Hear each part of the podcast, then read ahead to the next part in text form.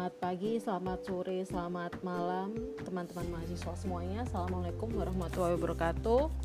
Kembali di mata kuliah bahasa Inggris 2. Kali ini saya rekam materinya dalam dalam podcast ya. Uh, untuk diskusinya nanti kita bisa secara casual seperti biasa di grup. Dan untuk materi hari ini kita akan bahas mengenai konteks dalam naskah berbahasa Inggris. Jadi uh, mohon disiapkan slideshow powerpointnya di depan jadi paling enak dengerin saya sama nyimak PPT-nya oke okay? dan juga siapkan catatan kali aja ada beberapa hal yang tidak ada dalam PPT-nya yang biasanya akan saya paparkan, saya elaborasi lebih lanjut. Biasanya kebanyakan seperti itu. Jadi paling enak buka laptop, PPT-nya, sediakan kopi sama camilan dan juga buku catatan. Baru nanti apa yang uh, menjadi tambahan-tambahannya bisa dicatat lebih lanjut dan didiskusikan kalau misalnya ada yang nggak jelas seperti itu. Oke, kembali ke materinya ya. Uh, ini saya anggap kalian sudah buka PPT-nya masing-masing. Yang kita bahas hari ini yaitu bagaimana memahami konteks dalam naskah berbahasa Inggris seperti itu. Jadi karena kita kuliahnya kuliah ilmu komunikasi, rasanya nggak afdol kalau nggak saya beri dasar teorinya dulu gitu ya. Meskipun kita ini ngomong mengenai bahasa tapi bahasa jurnalistik yang kita gunakan ketika membuat berita itu pastinya uh, punya konteks. Jadi uh, sering kali ya kita kalau nulis berita pasti didasari oleh suatu kejadian yang itu harus membuat kita pandai-pandai dalam merangkainya dalam uh, barisan kata-kata yang punya emosi yang punya uh, apa ekspresi. Lalu dalam memahami naskah berbahasa Inggris jangankan bahasa Inggris bahasa Indonesia pun aja seperti itu tadi kita harus bisa memahami dalam konteksnya apa seperti itu kan nah oleh karena itu saya coba berikan dasar pada kalian ya di slide nomor 2 jadi ada dalam uh, salah satu kajian lint, uh, lintas budaya kita mengenal kajian bahasa dan budaya dan di sana sangat ini ya sangat terkenal yang namanya konsep bahasa dan pikirannya Sapir-Whorf jadi banyak orang yang menyebut ini sebagai hipotesanya Sapir-Whorf teori Sapir-Whorf itu uh, itu sangat berhubungan dengan konteks kuliah kita hari ini jadi dalam uh, teori hipotesa Sapir-Whorf ini itu dikatakan kalau bahasa itu nggak hanya sekedar kata-kata, nggak hanya sekedar barisan deskripsi. Uh, jadi juga dalam bahasa itu bisa diartikan sebagai sarana untuk melukiskan suatu fenomena atau lingkungan dan juga mempengaruhi cara kita dalam melihat lingkungan tersebut. Jadi apa ya gampangnya bahasa itu suatu cara untuk mendefinisikan pengalaman, untuk mendefinisikan uh, mendefinisikan budaya kita yang lekat dengan kita dalam kehidupan sehari-hari. Contohnya apa? Uh, contohnya yang paling mudah ini bagaimana untuk menyerap apa namanya teori ini adalah bagaimana bahasa yang kita gunakan itu terwujud oleh suatu budaya kita. Bagaimana seperti itu maksudnya Bu? Nah, misalnya kalian bisa ini ya, kalian mungkin paham bagaimana perbedaan salah satu perbedaan bahasa Indonesia dan bahasa Inggris adalah dalam menekankan konsep waktunya. Dalam bahasa Inggris kita punya konsep waktu yang jelas jadi kan dibagi tuh ya eh, ada past tense atau bentuk lampau ada present tense atau bentuk sekarang dan ada future tense atau uh, masa yang akan datang bentuk masa yang akan datang.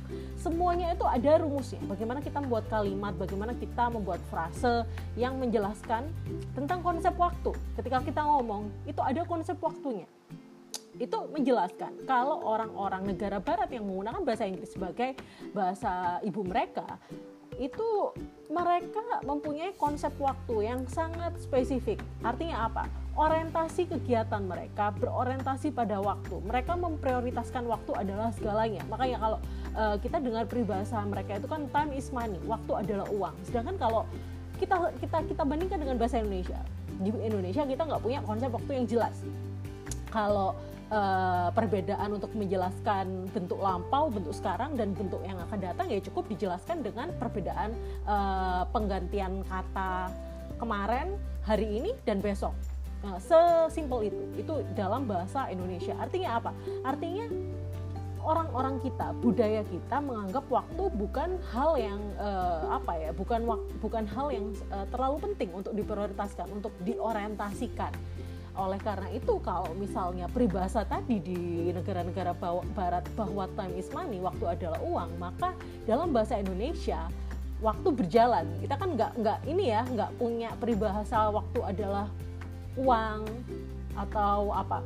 Kalau mereka punya bahasa lain misalnya time is running, waktu berlari. Sedangkan kita tetap kita mendeskripsikan waktu itu dengan uh, waktu yang berjalan. Ayo cepat, waktu ini tetap uh, terus berjalan ya. Kita kita menggunakan uh, penggunaan waktu itu seperti itu. Nah, itu untuk mendeskripsikan bahwa sahnya bahasa itu suatu cara untuk mendefinisikan pengalaman kita di lokasi kita masing-masing. Di Indonesia kita mungkin tidak menganggap waktu itu uh, adalah sesuatu yang uh, sangat penting untuk diprioritaskan. Tapi kalau di negara-negara barat yang menggunakan bahasa Inggris, mereka rupanya menganggap waktu itu sangat uh, penting seperti itu.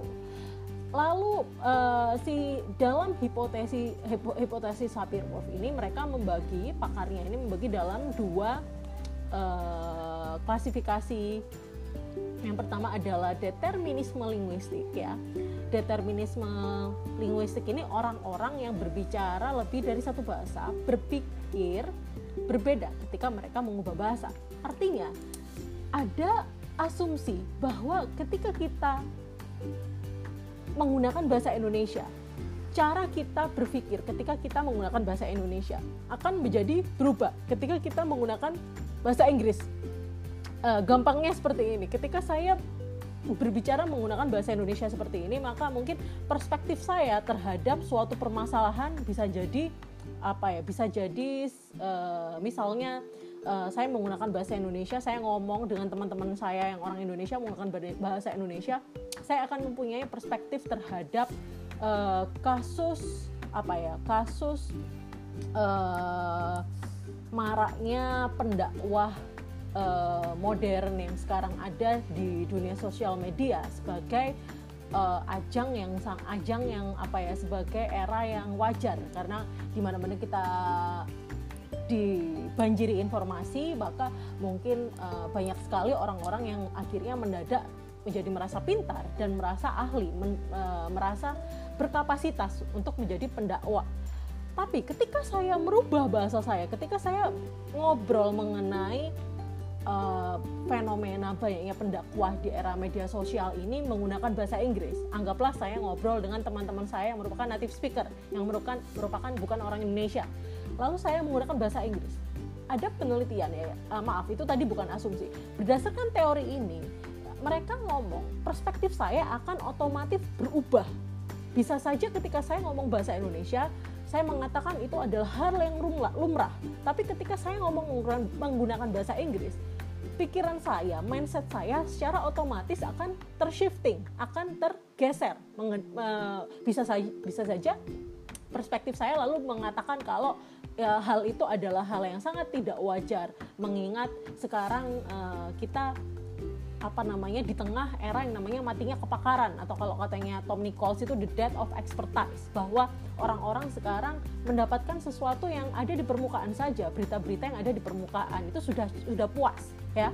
Mereka merasa cukup puas mendapatkan satu dua paragraf berita sehingga mereka nggak wajib nggak merasa perlu untuk me menggali lebih lanjut. Akhirnya itu yang sekarang membuat masyarakat kita lebih mudah terjebak pada berita-berita yang bias dan berita-berita yang hoax seperti itu. Ya, itu maksudnya dari determinisme linguistik, di mana ternyata kita bisa otomatis merubah nggak bukan kita ya kita otomatis akan mengubah cara pandang kita ketika kita merubah bahasa yang kita gunakan seperti itu ini menarik sekali ya kalau misalnya kita termasuk uh, orang-orang yang polyglot yang uh, bisa ngomong beberapa bahasa uh, jangan nggak usah bahasa Inggris. Coba kalian ngomong menggunakan bahasa Indonesia dan bahasa Jawa. Ada nggak? Kalian merasa nggak sih kadang-kadang uh, ternyata mindset kalian itu bisa berubah gitu ya tanpa kita sadari? Nah itu yang dicoba dijelaskan dalam determinisme linguistik ini ya.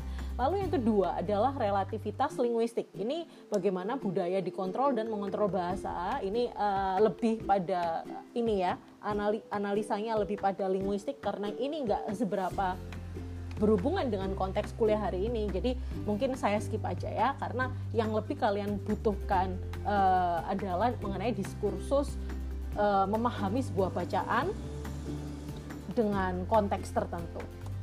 Sekarang bisa dilihat di slide yang ketiga. Ini saya jelaskan lebih lanjut mengenai interpretasi ya dari teori Sapir-Whorf ini uh, itu itu selalu digunakan. Salah satunya dengan indikator ini. Indikatornya uh, Sapir-Whorf itu kalian bisa lihat uh, suatu komunitas ya, suatu komunitas ketika mereka mempunyai satu uh, lebih dari satu atau banyak kosakata untuk menjelaskan satu aktivitas atau satu benda, maka kalian bisa uh, simpulkan kalau benda atau aktivitas tersebut menjadi orientasi, menjadi prioritas dalam komunitas budaya tersebut.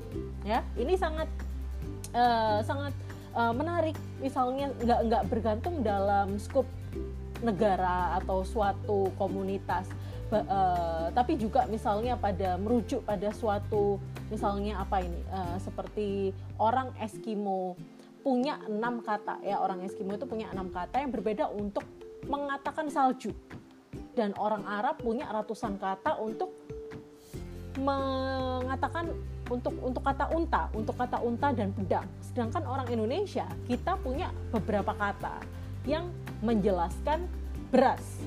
Kalau di Indonesia itu kan kita ada ada padi, gabah, nasi, beras. Sedangkan kalau ditranslatekan menjadi bahasa Inggris itu hanya satu, yaitu rice rice itu bisa berarti padi, bisa berarti gabah, nasi atau beras. Atau misalnya baru-baru ini itu ada padanannya. Kalau orang barat menyebut sawah itu padi padi field ya. Kalau dulu mereka menyebutnya rice field, tapi eh, baru-baru uh, ini mereka juga punya padanannya yaitu paddy field. Ada juga orang Jepang yang punya beberapa kata untuk mandi.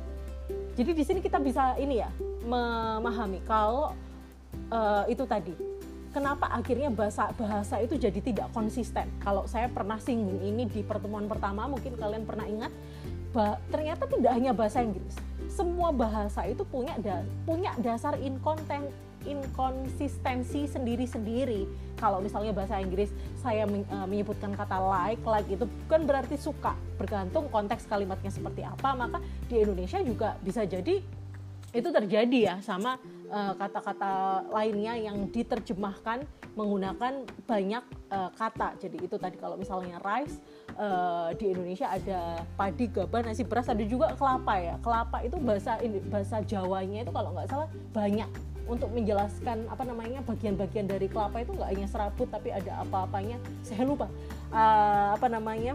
Saya lupa bahasa bahasa Jawanya. Ada kelapa itu disebut sebagai beberapa uh, dengan beberapa kata. Karena apa? Karena ternyata masyarakat masyarakat Jawa kita uh, punya ini secara historis kita bisa memanfaatkan kelapa untuk berbagai kebutuhan. Jadi kelapa itu punya nilai historis dan juga uh, sekarang juga bisa digunakan untuk beragam manfaat untuk masyarakat Indonesia.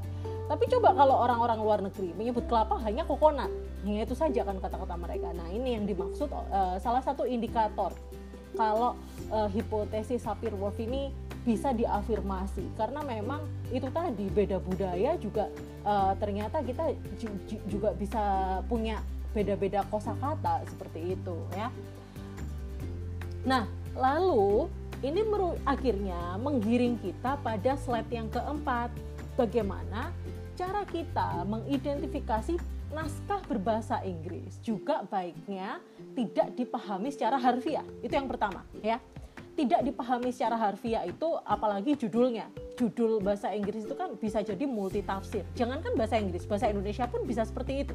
Tapi apalagi ini bukan bahasa ibu kita, ya, bukan bahasa ibu kita. Jadi potensi kita untuk untuk akhirnya apa namanya? Untuk akhirnya menyalahpahami makna atau arti dari maksud dari judul berbahasa Inggris tersebut bisa jadi berbeda. Kalau harfiah itu kan apa ya kalau misalnya nanti nanti ada contohnya bagaimana penjelasan mengen, uh, maksud dari tidak boleh kita memahami judul atau uh, teks dengan secara literal ya de, de, atau secara harfiah tadi. Lalu yang kedua uh, bila kita menggunakan bantuan aplikasi penerjemah boleh-boleh aja ya pasti itu sangat membantu kan aplikasi Google Translate atau kalian mungkin di lap, uh, di, di laptop atau di HP punya bermacam-macam aplikasi penerjemah yang lain nah itu kalian bisa pahami ya nggak boleh itu kita artikan uh, itu tadi secara harfiah lagi. Harus kita cermati konteks naskahnya juga.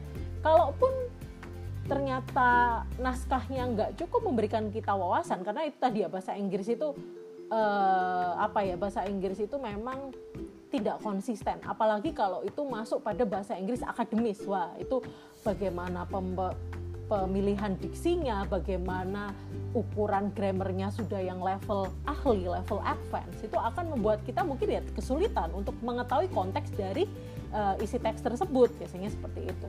Nah, yang terakhir, kalau kita ragu-ragu akhirnya kalau kita uh, merasa aduh saya sudah menggunakan bantu, uh, ini penerjemah, saya sudah mencoba mencermati konteks naskahnya, tapi saya merasa kesulitan misalnya, pasti kita bisa dong seperti itu ya, masih merasa bingung karena ya namanya juga bukan bahasa ibu sendiri kan, jadi ya wajar aja.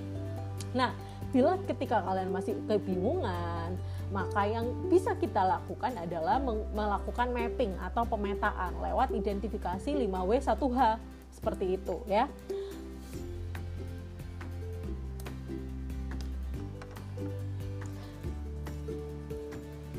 Sekarang selanjutnya kalian bisa lihat di slide yang kelima bagaimana ini salah satu contoh bagaimana memahami konteks sebuah judul. Kita bahas judul dulu deh, jangan naskahnya langsung ya uh, di sini ada berita yang saya ambil dari People ya, People uh, media dari luar negeri ini uh, judulnya adalah Gwen Stefani as Ellen DeGeneres to be her maid of honor.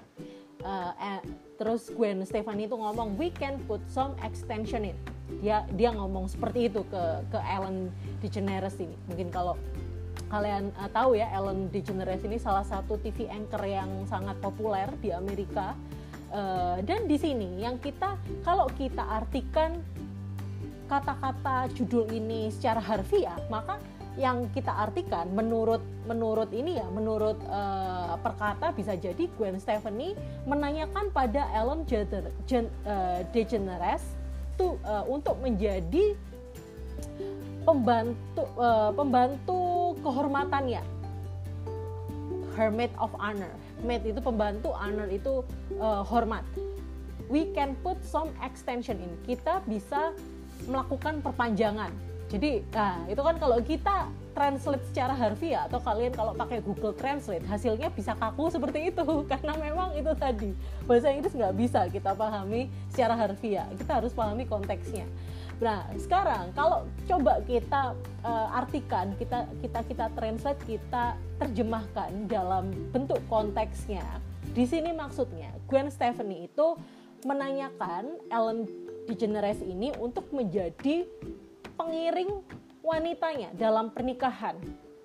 Jadi uh, honor itu bisa uh, bisa jadi dua kata yang berbeda. Tapi kalau digabung ada of-nya, made of honor itu akan menjadi satu frase yang punya arti yang sangat berbeda ya. Jadi kalau uh, arti dari made of honor ini adalah penggiring per, uh, wanita atau penggiring perempuan dalam suatu pernikahan atau kalian misalnya kalau tahu itu bridesmaid ya uh, istilahnya. Uh, karena bila dalam konteks negara-negara barat mereka akan uh, selalu mempunyai penggiring perempuan ya uh, seperti bridesmaid itu ketika uh, dalam pernikahan dijalankan di sana. Di Indonesia pun aja sekarang sudah ini ya sudah sudah ngehits banget. Kalau menikah pasti ada bridesmaidsnya kan sekarang kan. Dan uh, kalau dulu mungkin apa ya kalau uh, tradisi pernikahan Jawa setahu saya itu hanya menggunakan kembang mayang istilahnya. Tapi sekarang sudah nggak ada. Kalau mau pakai konsep yang lebih modern orang-orang akan menggunakan konsep bridesmaid itu tadi. Nah di luar negeri di negara-negara barat mereka juga menggunakan maid of honor. Jadi uh, dari sekian bridesmaid yang ada uh, si peng, uh, si bridesnya si si bride uh, apa namanya pengantin perempuannya ini biasanya dia akan memilih satu orang yang memilih satu orang uh, pengiring perempuan yang spesial yang akan dijadikan maid of honor. Ini ini terkait dengan apa? Budaya mereka. Ini terkait dengan budaya mereka dengan histori nilai-nilai pernikahan seremonial kan? Jadi uh, jadi uh, bisa sangat kompleks gitu ya kalau kita ngomong uh, bahasanya. Dan kalau sekali lagi diartikan dari bentuk konteksnya apa yang menjadi keseluruhan dari si uh, maksudnya Gwen Stefani ini Gwen Stefani itu menanyakan pada Ellen DeGeneres untuk menjadi uh, pengiring perempuannya dalam pernikahannya itu. Dan maksud dari kalimat selanjutnya yaitu we can put some extension in. Ini ini artinya sangat uh, ini nyeleneh aslinya. Jadi si si kalau kalian tahu Ellen DeGeneres ini uh, adalah ini ya salah satu perempuan yang sangat tomboy. Jadi dia itu uh, rambutnya sangat pendek jadi kalau kalian misalnya tahu extension kan pasti ya yang perempuan-perempuan khususnya kalian tahu uh, bulu mata extension rambut extension artinya apa? Uh, uh, artinya adalah uh, gabungan atau uh, rambut palsu atau bulu mata palsu atau bulu mata gabungan rambut gabungan bisa kita terjemahkan seperti itu.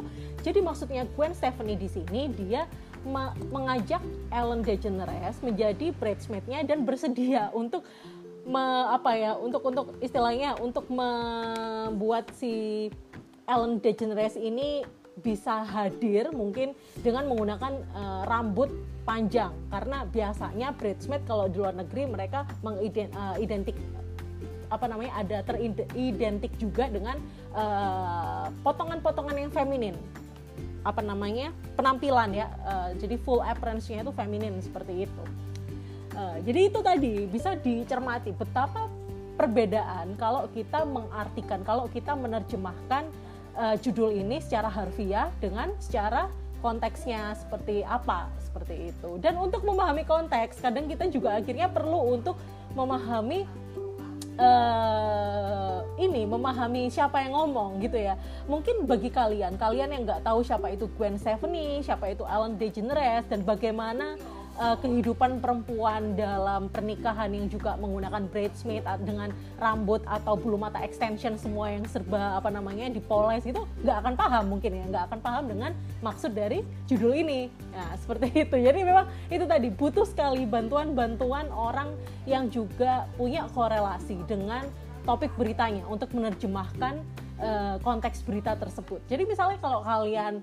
punya teman yang misalnya dia bekerja yang punya pengalaman apa ya punya pengalaman ngajar bahasa Inggris atau dia punya pengalaman bekerja di kantor pajak yang uh, eh, di mana dia juga pasti terpapar dengan beberapa kosakata berbahasa Inggris yang berhubungan dengan pajak. Jangan malu-malu untuk tanya pada teman kalian itu karena itu tadi ya uh, banyak sekali kata-kata yang harus kita pahami secara, uh, dari konteksnya dan itu sangat kompleks membutuhkan kejelian kepekaan dan rasa ingin tahu uh, untuk tidak malu untuk tidak segan menanyakan pada orang yang memang punya pengalaman di bidangnya seperti itu ya.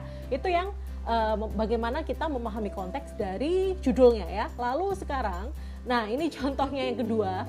Kalau tadi dari judul sekarang kita coba lebih pahami dari segi teksnya di teks di sini ada uh, judul yang sangat menarik bisa saya ambil dari bbc.com judulnya adalah China and Taiwan face off in pineapple war jadi bisa kalian bayangkan ya kalau sekali lagi kita artikan ini secara harfiah secara terjemahan pasti artinya apa? Artinya Cina sama Taiwan saling berhadapan dalam perang nanas. Oh, apa ini? Itu kan aneh ya.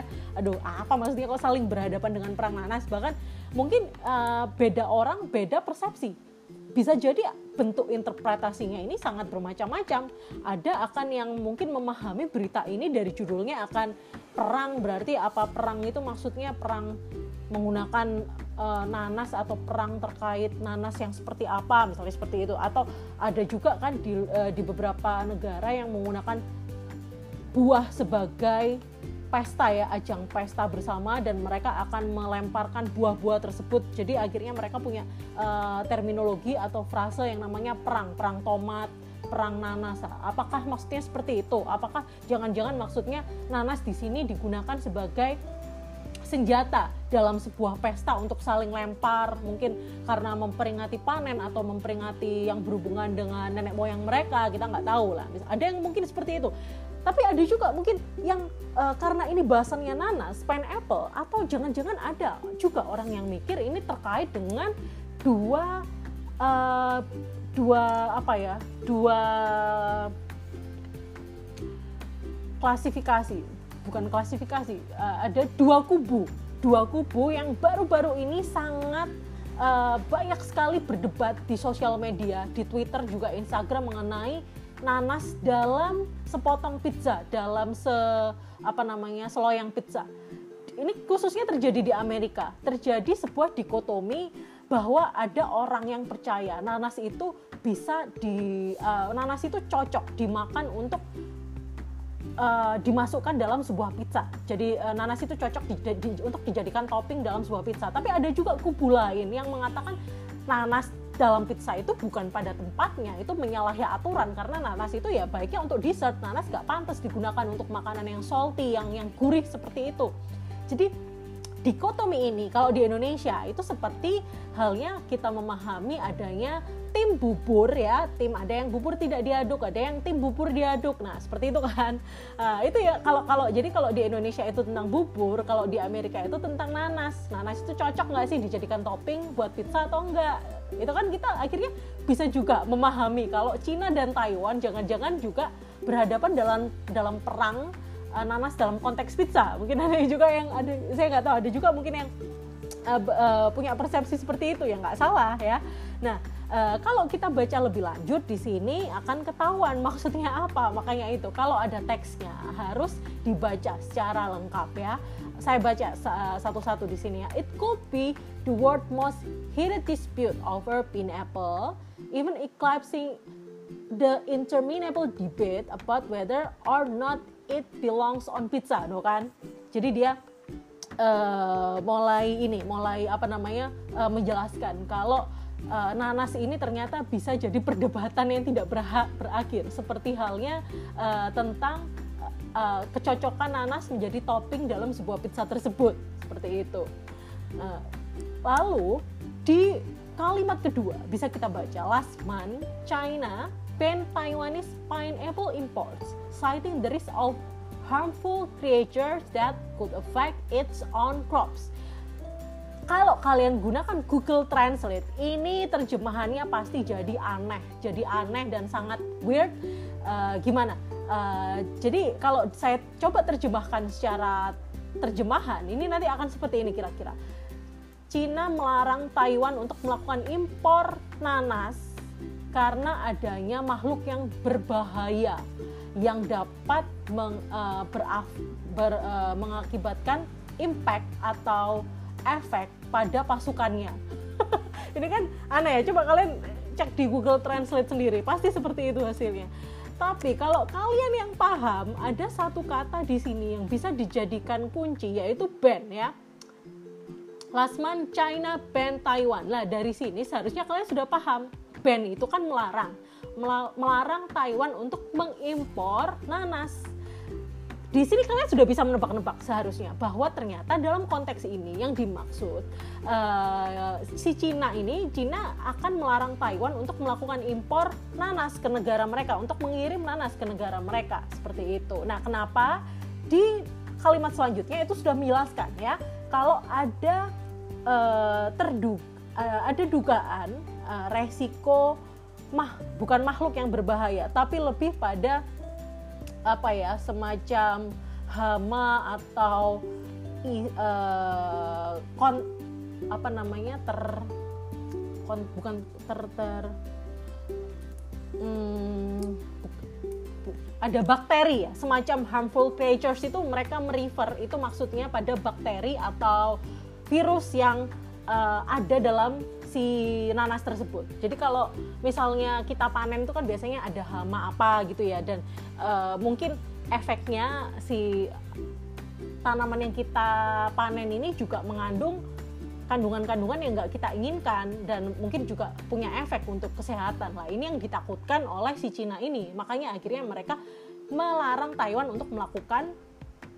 impor nanas ini karena uh, mungkin ada ada kasus keracunan atau seperti apa ya akhirnya men mengakibatkan Cina menduga ada yang salah dalam panennya si uh, Taiwan ini seperti itu. Ya jadi uh, seperti itu caranya memahami konteks. Kita baca kalau ternyata dari kalimat kedua juga belum jelas lanjutkan lagi ke kalimat ketiga kalimat keempat sampai ketemu baru kalau tidak merasa kita nggak mampu kalau sudah mentok aduh saya sudah coba translate saya coba su sudah baca sendiri sesuai konteks tapi ternyata juga nggak paham. Maksudnya apa? Baru kalian lakukan identifikasi 5W 1H seperti itu. Oke nah sekarang saya kasih uh, ini ya contohnya. Di slide yang ketujuh kalian bisa lihat ada berita seputar perampokan. Dan di sini uh, mungkin kita berasumsi anggaplah kita nggak paham. Ketika membaca semua keseluruhan naskah kita tetap nggak paham konteks dari perampokan ini apa. Maka yang harus kita lakukan adalah melakukan identifikasi seperti yang ada di slideshow nomor uh, di slideshow ke-8 uh, saya baca ya. Uh, misalnya langsung aja uh, kalian bisa tulis uh, 5W1H nya lalu ketika setelah kalian baca secara apa ya kalian uh, baca cepat gitu di di naskah berbahasa Inggrisnya lalu kalian coba translatekan ke dalam uh, bahasa Indonesia tapi ketika juga belum dapat konteksnya kalian mulai petakan dengan menuliskan 5W1H dengan lebih spesifik. Jadi misalnya seperti ini, what happened?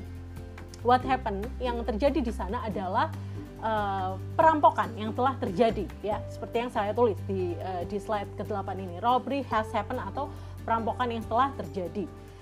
Who? Lalu yang kedua kita petakan who. Maksudnya dengan memetakan yang secara spesifik itu kalian juga me mempertanyakan ya. Who is the suspect? Who is the victim?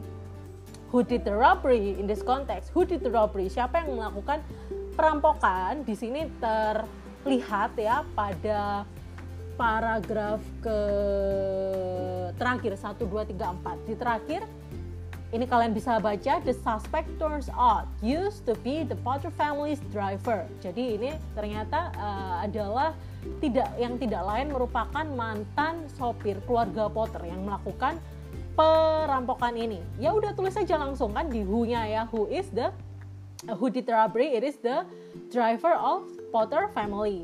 Or who is the victim? Mungkin kalian juga apa namanya butuh menjelaskan yang lain. Who is the victim? Siapa korbannya? Ya kalian cari aja di naskahnya. The victim it is nothing but uh, the Potter's family it, uh, itself ya. Jadi salah satu anggota keluarga dari keluarga Potter ini mereka uh, ini me, melihat secara langsung kalau si siapa ini si si pencurinya ini ketika melakukan perampokan dan mengambil beberapa barang langka ya patung langka. Di sini kalian bisa lihat di paragraf kedua take some jewelry and rare pottery and porcelain ya. Uh, uh, from their house on Pochinki Street dari rumahnya di jalan Pochinki jadi kalian bisa jelaskan di situ. Ini nggak saya tulis sih, tapi kalau misalnya toh kalian perlu lebih detail, itu bisa ditulis seperti itu. Siapa yang melakukan perampokan, who did robbery, and who is the victim. Siapa yang menjadi korbannya, seperti itu. Lalu yang ketiga, where, where the thief occurred, ya. Jadi di mana kejadian ini berlangsung, kalian bisa langsung paham ya kalau di uh, paragraf kedua ini itu itu terjadi di rumahnya keluarga Potter. Bagaimana si suspek ya si si si pelakunya ini mencoba menghancurkan jendela di di daerah dapur breaking into the house by damage the window frame near the kitchen. Nah itu kan pasti kalau di translate ini keluarnya juga uh, bisa dipahami gitu ya kalau si pencurinya ini mencoba menghancurkan bagian jendela dari bag, uh, dari area dapur tersebut. Nah, kalian tulis aja di where the thief occur ini. Uh, lalu atau kalian juga bisa menanyakan where the uh, thief get arrested di mana si mana itu uh, si si pencurinya si perampoknya tertangkap nah, kalian juga bisa jelaskan kalau itu ter, uh, ditangkap di tidak lebih uh, berapa ini minus dia tertangkap di waktu ngisi bensin.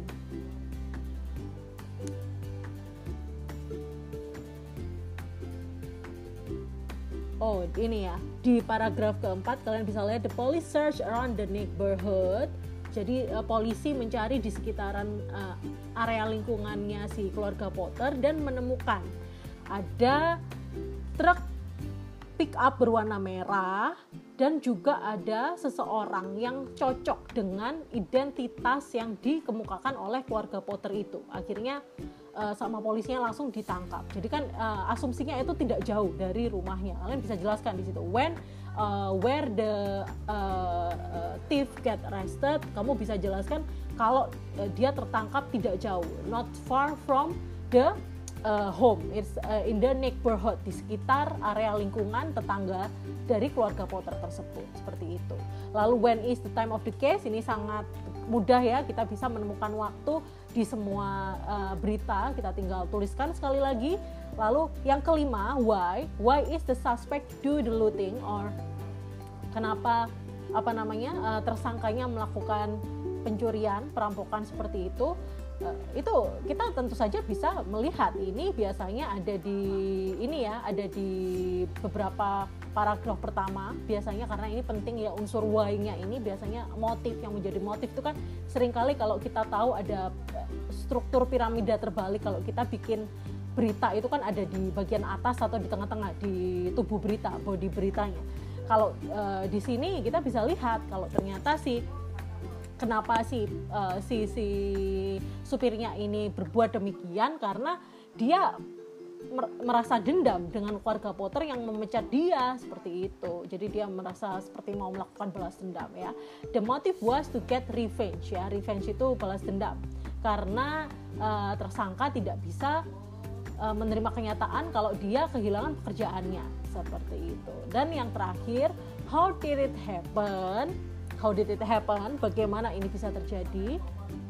Uh, jadi kita jelaskan kronologisnya.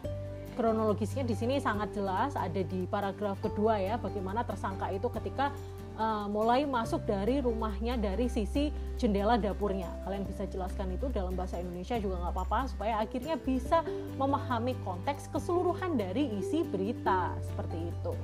Oke, itu ya, seperti itu semoga jelas. Sekarang apa yang harus kalian lakukan adalah memetakan berita ini.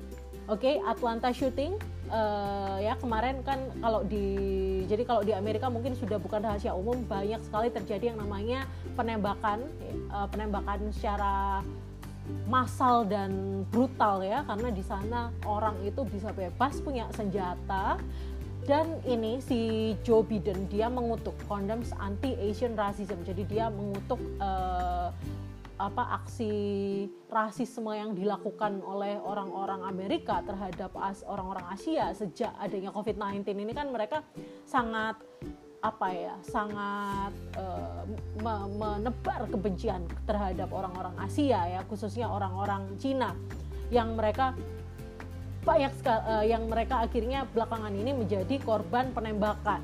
Nah di sini kemarin salah satunya terjadi di Atlanta. Ini kalau nggak salah setelah Atlanta ini ada juga terjadi di California atau apa kemarin saya baca berita itu ya itu itu memang sangat apa miris ya.